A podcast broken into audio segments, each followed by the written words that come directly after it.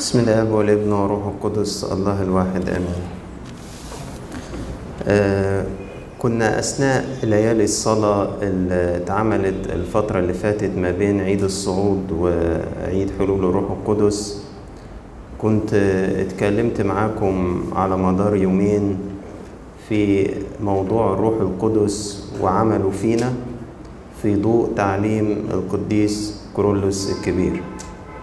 آه يعني هراجع معاكم بسرعة كده عناوين النقط اللي إحنا غطيناها.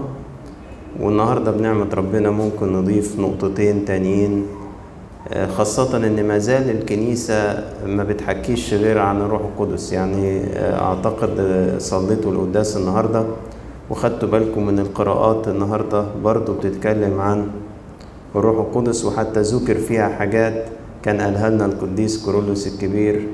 في التعليم بتاعه لما حكى لنا عن اسألوا تعطوا اطلبوا تجدوا اقرعوا يفتح لكم إزاي ان ربنا كان بيتكلم عن عطية الروح القدس إذا كان وإنتم آباء أرضيين. بتعرفوا تدوا أولادكم عطايا جيدة. فكم بالحري الآب الذي من السماء يهب الروح القدس للذين يسألون. ودي كنا ذكرناها في العظة الثانية من عظات ليالي الصلاة. لما حكينا إزاي إن الروح القدس ده هو كل الخيرات وهو ده اللي الرب عايزنا إن إحنا نسأله منه في الصلاة وإزاي إن إحنا في صلاة باكر كل يوم الصبح بنسجد ونسأل ونطلب من أجل أن ربنا يعطينا الروح القدس. إحنا في الأول أول مرة حكينا بسرعة مين هو القديس كورولوس الكبير وقلنا أنه ده أول بابا الإسكندرية يحمل اسم كورولوس فينفع نقول عليه البابا كيرلس الأول؟ ولأن هو اللي دافع عن طبيعة المسيح ضد نسطور. فاشتهر بأنه البابا كيرلس عمود الدين أو البابا كيرلس الكبير. وهو البابا رقم 24 من باباوات الكنيسة وعاش في القرن الخامس. هو ولد في أواخر القرن الرابع وعاش في القرن الخامس. وحكينا إزاي ان هو اتربى جمع ما بين العلم في مدرسة اسكندرية اللاهوتية وما بين الحياة التقوية في الصحراء في برية شهيد لما كان بيتلمذ عند الأب سرابيون واحد من تلاميذ القديس العظيم الأنبا مقار. آه وبدأنا نقول إيه, إيه النقط اللي هو آه حكى فيها عن الروح القدس. فقلنا أول حاجة إن هو دافع عن لاهوت الروح القدس بس من منظور يختص بخلاص البشر. يعني مش إن هو واخد العقيدة مادة جافة للنقاش والجدال لا. هو قعد يأكد إن الروح القدس ده أحد الثالوث القدوس وإنه مساوي للآب وللابن في الجوهر وواحد معاهم وإنه لولا كده ما يبقاش في حاجة تفرح في بشارة الإنجيل. لأنه أذكركم قال كده قال إن الإنجيل بيقول عن طريق الروح القدس إحنا بندعى هياكل لله لما بيسكن فينا الروح القدس. طب لو الروح القدس مش هو روح الله يبقى منين إحنا نكون هياكل لله يبقى الحاجة اللي مفرحانا راحت مش موجودة لما الكتاب المقدس بيقول إن الروح القدس بيجعلنا شركاء الطبيعة الإلهية لو هو أصلا مش الله إزاي يجعلنا إحنا شركاء الطبيعة الإلهية لما يسكن فينا؟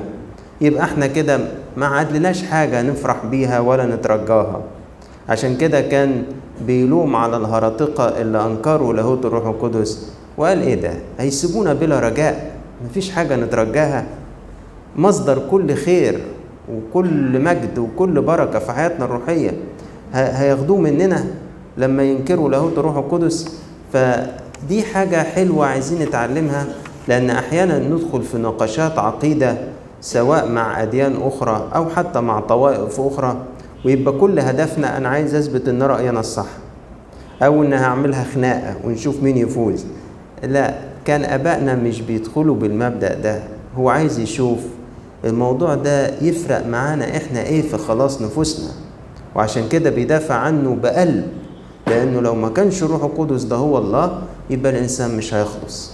جينا بعد كده قلنا إن إحنا آه هنحكي بمثل جميل آه ربط بيه القديس كورولوس بين الروح القدس وانبثاقه من الآب وبين الروح القدس وعمله فينا. لما شبه الروح القدس في علاقته بالله الآب زي العطر اللي خارج من الزهرة أو الوردة. وقال إن العطر ده طالع من الأجزاء الداخلية للوردة. و... ونقدر نقول إن ده يشبه انبثاق الروح القدس من جوهر آه الله. وفي نفس الوقت بيحمل لينا الله زي ما العطر ده بيحمل لينا الزهرة ويحمل لينا معرفتها. ويبان كما إن العطر متميز عن الوردة لكنه غير منفصل عنها زي بالظبط أقنوم الروح القدس متميز عن أقنوم الآب ولكنه غير منفصل عنه. وقال العطر ده لما يجي نشمه بأنوفنا يدينا خلفية ومعرفة عن نوع الزهرة دي إيه؟ آه دي ريحة فل دي ريحة ياسمين دي ريحة لافندر دي مش عارف إيه. قال كده بالظبط لما بنستقبل الروح القدس جوانا بيحمل لينا معرفة الله. وقال كمان إن العطر بيسيب أثر على حتى الهدوم اللي إحنا لابسينها. مش صح؟ تقول أنت حاطط برفان نوعه إيه؟ إيه ده؟ أنت عرفت منين؟ لك ريحته باينة. سايب تأثير على الملابس. يقول لك طب إذا كان العطر الضعيف ده بيسيب أثر على ملابسنا. كم وكم الروح القدس لما يسكن فينا يغير حياتنا ويعمل فينا أثر كبير. وبدأ يتكلم قال ان الروح القدس ده هو كل الخيرات. دي الحتة اللي إحنا بدأنا بيها الكلمة اللي كانت موجودة في إنجيل القداس النهارده. إن الآب يهب خيرات للذين يسالونه دي في إنجيل القديس متى. بس جه في القديس لوقا قال يهب الروح القدس الذين يسألون. يعني باختصار كده اللي هياخد الروح القدس خلاص ما ده خد إيه؟ كل الخيرات. النقط التانية اللي غطيناها قلنا إنه بيخلينا شركاء الطبيعة الإلهية وبيخلينا مسكن للآب وللابن إنه لما الروح القدس يسكن فينا ده روح المسيح وروح الآب. يبقى إحنا جوانا الابن وجوانا آه الآب. وقلنا عنه تعبير جميل علمه لنا القديس كيرلس الكبير قال عن الروح القدس إنه مصباح النفس الفائق. مصباح النفس الفائق. من غيره النفس تبقى مالها ضلمة.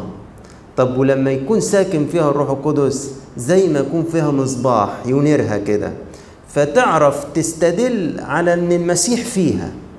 قبل كده والدنيا ضلمة ما كانش قادرة تشوف إن المسيح جواها. لما الروح القدس سكن فيها أضاءها نورها بقت قادرة تشوف إن المسيح جواها. قلنا إن الروح القدس بيعلن الأسرار الإلهية الخفية ويهب الإنسان معرفة فائقة يكشف له الأسرار. حتى إنه الرب قال لتلاميذه أنا ليا حاجات كتير تانية عايز أقولها لكم بس أنتوا مش هتقدروا تتحملوها دلوقتي لأن لسه ما خدتوش الروح القدس. متى جاء روح الحق؟ يرشدكم إلى جميع الحق. يعني هيقول لكم أسرار كتير تانية. والقديس بولس الرسول الروح القدس أعلن له حاجات عن صليب المسيح مش موجودة في البشائر الأربعة طب عرفها منين دي؟ ده حتى لا متى حكى عنها ولا لوقا ولا مرقس ولا يوحنا بولس الرسول ده عرفها منين؟ قال لك بإعلان عرفني بالسر إنه ما لم تره عين ولم تسمع به أذن ولم يخطر على بال إنسان ما أعده الله للذين يحبون. هذا أعلنه لنا بروحه. عايز أقول أنا كل اللي أنا بحكيه لكم ده أعلنه لي الروح القدس اللي جوايا. يا يا معلمنا بولس ده أنت شرحت الفداء أكتر من التلاميذ اللي كانوا قاعدين مع المسيح صبح ليل. وده يعزينا إحنا. ساعات نقول إيه؟ يا ريتنا كنا عايشين أيام المسيح. يا ريتنا كنا بنقابله. يا ريتنا كنا بنقعد معاه. طب إيه رأيك؟ وراي ورأيك بولس الرسول حضر المسيح وهو بالجسد؟ ابدا. ما حضروش وهو بالجسد. بس عرفوا زيه زي حضروه بالجسد وأكتر كمان. وأعلنت لي أسرار ملكوت الله زيهم وأكتر كمان. وده يدينا رجاء إن إحنا نفسنا اللي ما شفناش المسيح بالجسد ما نتحرمش من معرفته بهذه المعرفة الفائقة. الروح القدس بيجعل المسيح حاضرا فينا. ودي جميلة قوي دي إن لما الإنسان يسكن الروح القدس يخليه كده المسيح موجود جواه فعلا ويقدر هو يستدل على المسيح اللي فيه. وآخر حاجة خدناها قلنا إن الروح القدس هو اللي مسؤول عن تجديد الطبيعة البشرية. يجددنا ويعيد تشكيلنا مرة أخرى على صورة المسيح. يعيد تشكيلنا مرة أخرى ويرسم فينا ملامح المسيح قداسة المسيح آه، طهارة المسيح طاعة المسيح غفران المسيح بر المسيح. مجد المسيح. كل ده يرسمه فينا. الروح القدس حتى إن القديس كيرلس يشابه القديس انبا مقار ويسميه الرسام الأعظم. الروح القدس ده هو إيه؟ الرسام الأعظم. إيه اللي ممكن ناخده جديد النهارده؟ إضافة إلى مفاعيل الروح القدس اللي حكاها القديس كيرلس حاجة جميلة وغريبة كده يقول الروح القدس يختن الختان غير المصنوع بيد. تعرفين زمان في العهد القديم كان في شريعة على كل يهودي ذكر إنه يعمل إيه؟ يختتن في اليوم الثامن عشان يتحسب إنه من شعب الله. والختان ده موجود في النباتات. يقطعوا كده جزء دائري يحززوه كده عشان يحفزوا النبات على النمو. نفس القطع الدائري ده هو اللي بيتم في العضو الذكري في العهد القديم عشان الولد ده ينضم لشعب الله. فكان بولس الرسول بيقول إنه خلاص إحنا دلوقتي في المسيح يسوع إحنا اختتنا بختان آخر مش باليد بتاع زمان ده أمال إيه؟ قال بختان الروح القدس. القديس كورولوس حكى عن الموضوع ده فين؟ لما جه يشرح الآية اللي جت في يوحنا 15 2 بيقول كده كل غصن فيا لا يأتي بثمر ينزعه وكل ما يأتي بثمر ينقيه يأتي بثمر أكثر. الآية دي بتحط قدامنا يا جماعة فئتين من الناس. في صورة الأغصان غصن مش بيجيب ثمر ناس مش بتثمر لحساب الله وغصن بيثمر. ناس ماشية في سكة ربنا وبتجيب ثمر. فبيقول إيه بقى القديس كورولوس بيقول ينبغي أن نبين أيضا أن ختاننا هو بالروح وهو يحقق فينا التطهير الذي نحتاجه. هو التطهير الذي يتممه الإبن بالروح. فالآب يتمم تطهيرنا بالإبن بواسطة الختان الذي نعرف أنه يجري من خلال الروح القدس. الثالوث كاملة بيشترك مع بعضه في الختان بتاعنا اللي هو مش معمول بإيدين بشر قال لك الآب يتمم الختان بتاعنا من خلال الإبن. والإبن كما لو إنه ماسك سكين هو الروح القدس بيتمم فينا هذا الختان. ويرجع للآية دي اللي في يوحنا 15 2 ويقول إن دي بتميز بين نوعين من البشر ونوعين من التعامل الإلهي. النوع الأولاني اللي بقاله كتير ومصر إنه ما يثمرش مش بيجيب ثمر. قال ده عامل زي اللي طمر الوزنة. فاكرين مثل الوزنات؟ واحد خد وزنة واحد خد خمسة واحد خد عشرة. فاللي خد عشرة تاجر وربح واللي خد خمسة تاجر وربح. جه اللي خد الوزنة قال إيه قال أنا خاف لحسن أتاجر بيها أخسرها وأنا أسمع إن الراجل ده صعب خالص. أنا أحسن حاجة أخبيها وهو منين ما يجي أروح إيه؟ مديها له. زعل ولا فرح صاحب الوزنات؟ زعل منه جدا. قال له أنت كسلان. ما تقولش إن أنا قاسي وإن أنا مش عارف إيه. أنت كسلان. ما حبيتش إنك تشتغل. ما حبيتش إنك تتاجر ما حبيتش إنك تربح. فقال أهو اللي طمر الوزن ده زي الغصن اللي رافض إنه ياخد من العصارة ويجيب ثمر. وقال إن العصارة بتاعت الكرمة دي هي الروح القدس. ليه؟ لأن الغصن ينفع يعيش من غير العصارة دي؟ قال هكذا إحنا بدون الروح القدس ما نقدرش إن إحنا إيه؟ نعيش. اذا العصارة بتاعت الكرمة دي هي الروح القدس. وبيقول لنا بقى حاجة مؤلمة خالص إن اللي أصروا إن هما ما يثمروش هيقطعوا عشان يتحرموا من العصارة اللي هي الروح القدس. يقول كده أي سينزع الرب منهم الروح القدس قبل أن يعاقبوا العقاب الأبدي. لأول مرة نسمع من القديس كورولوس إنه حد هينزع منه الروح القدس. طب ده ده أنت تقصد إيه؟ إحنا إحنا كده خفنا. قال لا مش دلوقت. من طول ما أنت مازال فيك نفس مازال عندك رجاء مازال سايب الرب اتصالك بالروح القدس. لكن الإنسان لما يفارق الحياة لو كان أصر إن يعيش كل حياته بدون ثمر فقبل ما يروح ياخد نصيبه في العقاب الأبدي يروح الرب ينزع منه الروح القدس. ويقول ده بالظبط زي لو ملك وكان عنده وزير مكرم جدا ومديله نياشين وحاجات بقى وفي الحروب وبتاع. وبعدين ثبت عليه تهمة شنيعة خيانة مثلا. فهيقاد هذا الوزير للإعدام. يقول لك مش في الأول الملك بيجرده من النياشين بتاعته حتى لا تهان هذه النياشين. هكذا الإنسان اللي رفض أنه يثمر قبل ما يذهب للعقاب الأبدي ينزع الرب عنه الروح القدس. عشان ما يمضيش لمواضع العقاب والروح القدس إيه؟ جواه. حتى لا يكون هذا بمثابة إهانة لروح الله. طيب ده النوع الأولاني اللي حكيت لنا عنه. أمال النوع التاني الكويس ده طمنا كده قول لنا النوع التاني ده إيه؟ قال النوع التاني ده سماهم القديس كيرلس لقب جميل قوي. قال النوع التاني ده اسمهم المقيمون في الله.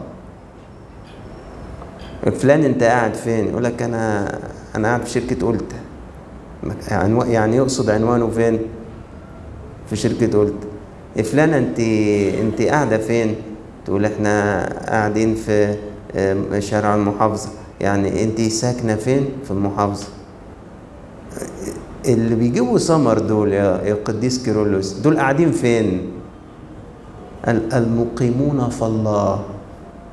شفتوش واحد عنوانه ساكن في الله؟ ده إيه العنوان الجميل ده؟ تخيل كده لما يبقى واحد ساكن في الله يعني مقيم ده عنوانه. قالها في مرة القديس باسيليوس الكبير لما بيحكي عن المرأة السامرية وربطها كده بموقف كان حصل مع موسى النبي خلاصة الكلام قال القديسين مسكنهم في الروح وعنوانهم في الروح ده العنوان اللي تدور فيه على القديسين. فلان ده فين؟ يقول لك ده مش معانا هنا خالص. مش ساعات نقولها فعلا؟ يقول لك فلان ده مش معانا؟ يجي مثلا إنسان كده بسيط ومتواضع وكل حياته صلاة وقداسات وبتاع. يقول لك فلان ده مش إيه؟ مش معانا. تصدق إحنا بنقولها فعلا من غير ما ناخد بالنا؟ فلان فين امال هايم في ربنا مخه في حتة تاني فلان عنوانه في الروح. ده عنوانه. زي الفئة التانية اللي بتجيب ثمر دي. قديس كورولوس بيقول دول المقيمون في الله. دول قاعدين في ربنا. فبيقول بقى دول عشان يجيبوا ثمر أكتر ينقيهم.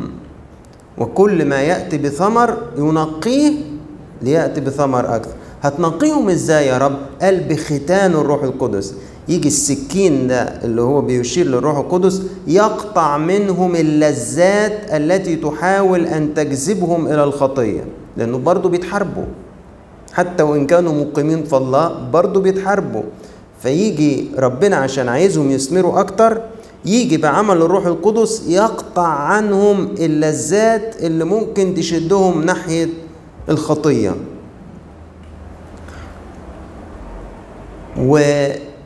ياخد باله إنه التنقية مؤلمة للقديسين. بس يصف الألم بتاع التنقية ده يقول عليه ألم بسيط. والضيق بتاع التطهير يقول لك يبقى لفترة بسيطة بيقول كده إذا كانت أغصان الكرمة في المثل تعاني أي تنقية فإني أفترض أن ذلك لا يمكن أن يحدث بدون ألم حتى يعني سوري غصن الشجرة ده لو جينا نحزه تلاقوه بيطلع منه حاجة زي الدموع كده صح؟ بيقول لك إذا كان غصن الكرمة لما بتيجي تختنه بختان النباتات ده بيتألم هكذا يعني أكيد يعني القديسين لما بيجي يختنوا بالروح أكيد يعني بيكون في ألم. لا يمكن أن يحدث بدون ألم لأن التنقية مؤلمة لدرجة أن الغصن يمكن أن يعاني الألم. لأن إلهنا يحب الفضيلة فهو يعلمنا يربينا بواسطة الألم والضيق. يعني هو كأب عايز يربي أبنائه جيدا في الفضيلة أحيانا هيسمح ليهم بالضيق. والرسول بولس يقول إن كنتم تحتملون التأديب يعاملكم الله كالبنين فأي ابن لا يؤدبه أبوه. فبيقول كده إن الضيق ده وإن كان فعلا موجود لكنه يصف ألم ويقول لك إيه؟ وهو ما يسبب ألما بسيطا لأجل إحياء خصوبة النبات عشان يعطي ثمر كثير. البعض يقبلون هذا الألم صارخين يا رب ضيق قليل أنت تؤدبنا. بيجيب آية من سفر أشعيا كده ويقول يا رب ضيق قليل أنت تؤدبنا. لأن ضيق التطهير يبقى لفترة قصيرة. يعني الضيق اللي هيسمح به ربنا عشان أتنقى من ميل معين مش مظبوط سكة معينة غلط كده الشيطان بيحاول يجرني ليها فربنا هيسمح إن أنا أتحط كده تحت التأديب أو تحت الضيق ربنا يقول لي على فكرة ده مش لأن أنا متضايق منك ده أنت عشان مثمر وفيك رجاء فأنا بالعكس أنا بعمل لك عملية ختان بالروح القدس عشان تجيب ثمر أكتر وأكتر. وما تخافش الألم ده بسيط والضيق ده يبقى لفترة صغيرة. يبقى من مفاعيل الروح القدس جوانا واللي قالها القديس كورولوس إن الروح القدس هو اللي بيعمل الختان غير المصنوع بيد وإن هدفه التنقية. عشان النفس الحلوة دي تجيب تجيب ثمر أكثر. والنفس دي وصفها أنها مقيمة في الله عنوانها ربنا. كل تفكيرها في ربنا. كل حياتها في ربنا. ناخد نقطة تانية وأخيرة عشان الوقت بتاعنا. الروح القدس يهب النفس الحرية. الحرية دي كلمة جميلة كلنا بنحبها. خاصة الشباب. حب يسمع كلمة حرية دي. أنا عايز أنا حر. أنا أعمل اللي يعجبني. أنا عايز مش عارف أعمل أنا عايز أحس بحريتي. قديس كورولوس يقول الروح القدس هو الأقنوم اللي يهب النفس الحرية. إيه الحكاية دي؟ الحرية دي كانت أحد ملامح الصورة الإلهية في الإنسان لما الرب خلقه. مش خلقنا على صورته ومثاله فالرب لأنه حر وهو الوحيد الحر بمعنى الكلمة المطلق لأنه طبيعة خالقة. فهو الوحيد الحر بالمعنى المطلق. أي خليقة أخرى تشارك حريته كده لكن ما عندهاش الحرية الإيه؟ الكاملة دي المطلقة دي. فهو وهب الإنسان أنه يكون على صورته حر. ولكن الإنسان بالسقوط فقد إيه؟ هذه الحرية. ولما فقد الحرية دي عشان ربنا يرجعها له تاني تجسد الله الكلمة وأخذ طبيعتنا البشرية وحررها مرة أخرى واستقبلت الطبيعة دي الروح القدس فنقل ليها الحرية اللي أعطاها المسيح للطبيعة البشرية. ومن ملامح الحرية دي إن رجع العبيد مرة أخرى يبقوا أبناء. إذا البنوة لله دي ملمح من ملامح الحرية؟ النهاردة شوف واحد أجير أو عبد وشوف واحد ابن. سلوك ده زي ده؟ الابن حاسس بإيه؟ ده أنا البيت بيتي.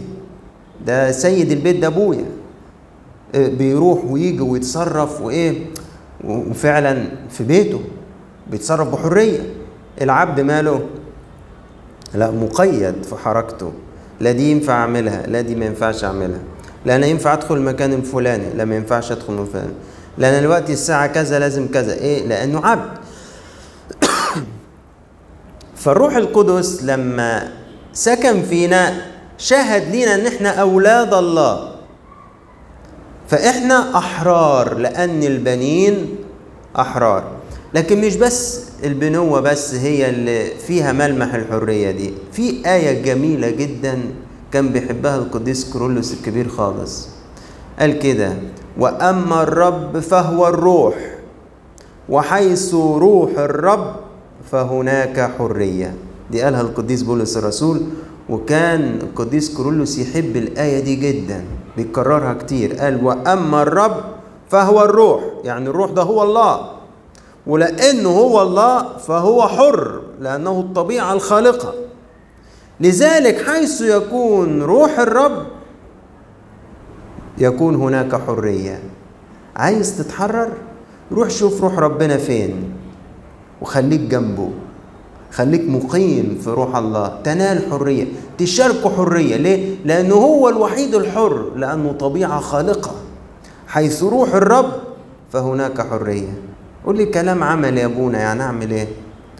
أقول لك آه الأسرار بتاعت الكنيسة دي مش دي بتتم بعمل الروح القدس؟ لازم أسرار الكنيسة لازم سر الإفخارستية تكون حيث روح الرب فيكون هناك إيه؟ حرية. لازم سر التوبة والاعتراف حيث روح الرب فهناك حرية. لازم لكلمة الله الكلمة دي اللي اتكلم بها أناس الله القديسون مسوقين من الروح القدس فأنت لما بتمسك كلمة الله الكتاب المقدس وبتقرأ فيه بمداومة وبتركيز أنت حيث روح الرب فهناك هتكون إيه؟ حرية لازم وقفة الصلاة في البيت في محضر الله ليه؟ لأنه الروح القدس يعطى لنا بالصلاة يعطى لنا بالصلاة فحيث روح الرب هناك حرية. الواحد فينا يتحرر من إيه؟ يتحرر من قيود الخطايا. في مننا اللي ممسوك في الطمع. في مننا اللي ممسوك في محبة شهوات الجسد. في مننا اللي ممسوك في علاقات غير مقدسة.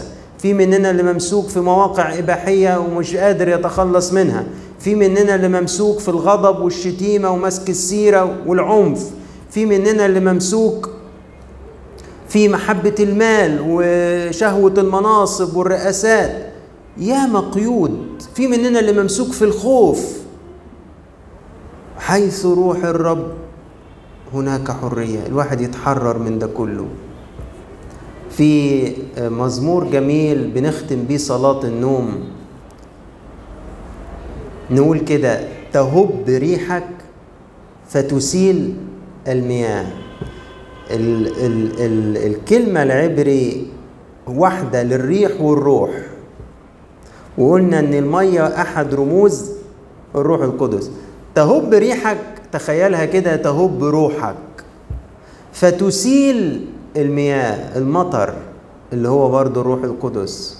عارفين في كلمة جميلة كده عن الحرية يقول لك نسيم الحرية. مش صح؟ زي ما يكون الحرية ليها ريحة جميلة كده الواحد إيه؟ يشمها لما تهب علينا رياح الروح القدس نتنسم نسائم إيه؟ الحرية تحس كده إن الواحد بيتفك بيتفك من قيود الخطايا والنجاسة والأفكار الشريرة والسلوكيات اللي ما تناسبش أولاد الله ده كله بفعل إيه؟ بفعل الروح القدس لأنه حيث روح الرب هناك حرية. ولذلك أصبح أهمية أكتر وأكتر إن إحنا أنا وأنتوا نقيم في الله نقيم في الروح. لأنه حيث روح الرب هناك تكون حرية. النهاردة إحنا راجعنا كده العظتين الأولانيين ويدوبك خدنا نقطتين جداد يختصوا بعمل الروح القدس فينا. النقطة الأولى إنه بيصنع فينا ختان غير مصنوع بيد عشان ينقينا عشان نثمر أكتر ونجيب ثمر أكتر وإن الألم بتاع التنقية ده بسيط ولفترة قليلة. وتاني نقطة إن الروح القدس بيهب للإنسان اللي بيسكن فيه الحرية لأن الرب هو الروح وحيث روح الرب فهناك حرية وإنه لما تهب علينا رياح الروح القدس الجميلة المنعشة دي نتنسم نسائم الحرية في حياتنا. نتخلص من قيود الخطايا اللي بتسيطر علينا ولإلهنا كل مجد وكرامة إلى الأبد. آمين.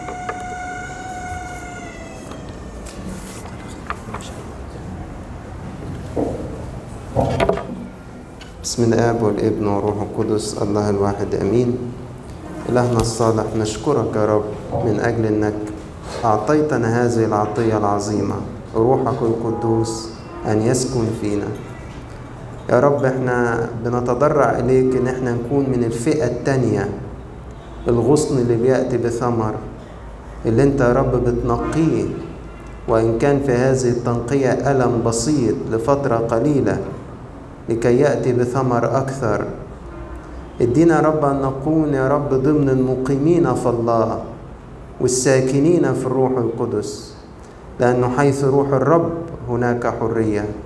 ادينا يا رب نسكن حيث الروح القدس يكون هو عنواننا ونكون إحنا عنوانه لكي نتنسم من خلاله نسائم الحرية من كل قيود الخطية. باركنا بكل بركة روحية تجدنا في احتياج إليها. بشفاعة أمنا العذراء والشهيد ماري جرجس وبركة أبائنا الرسل الأطهار اسمعنا لما ندعوك بالشكر. أبانا الذي في السماوات ليتقدس اسمه ليأتي ملكوته لتكن مشيئته كما في السماء كذلك على الأرض. خبزنا الذي للغد أعطينا اليوم واغفر لنا ذنوبنا كما نغفر نحن أيضا المذنبين إلينا. ولا تدخلنا في تجربة لكن نجنا من الشرير. بالمسيح يسوع ربنا فأن لك الملك والقوة والمجد إلى الأبد آمين. والآن محبة الله الآب ونعمة الإبن الوحيد ربنا وإلهنا ومخلصنا يسوع المسيح وشركة وموهبة وعطية الروح القدس تكون معكم. امضوا بالسلام والسلام المسيح فليكن مع جميعا.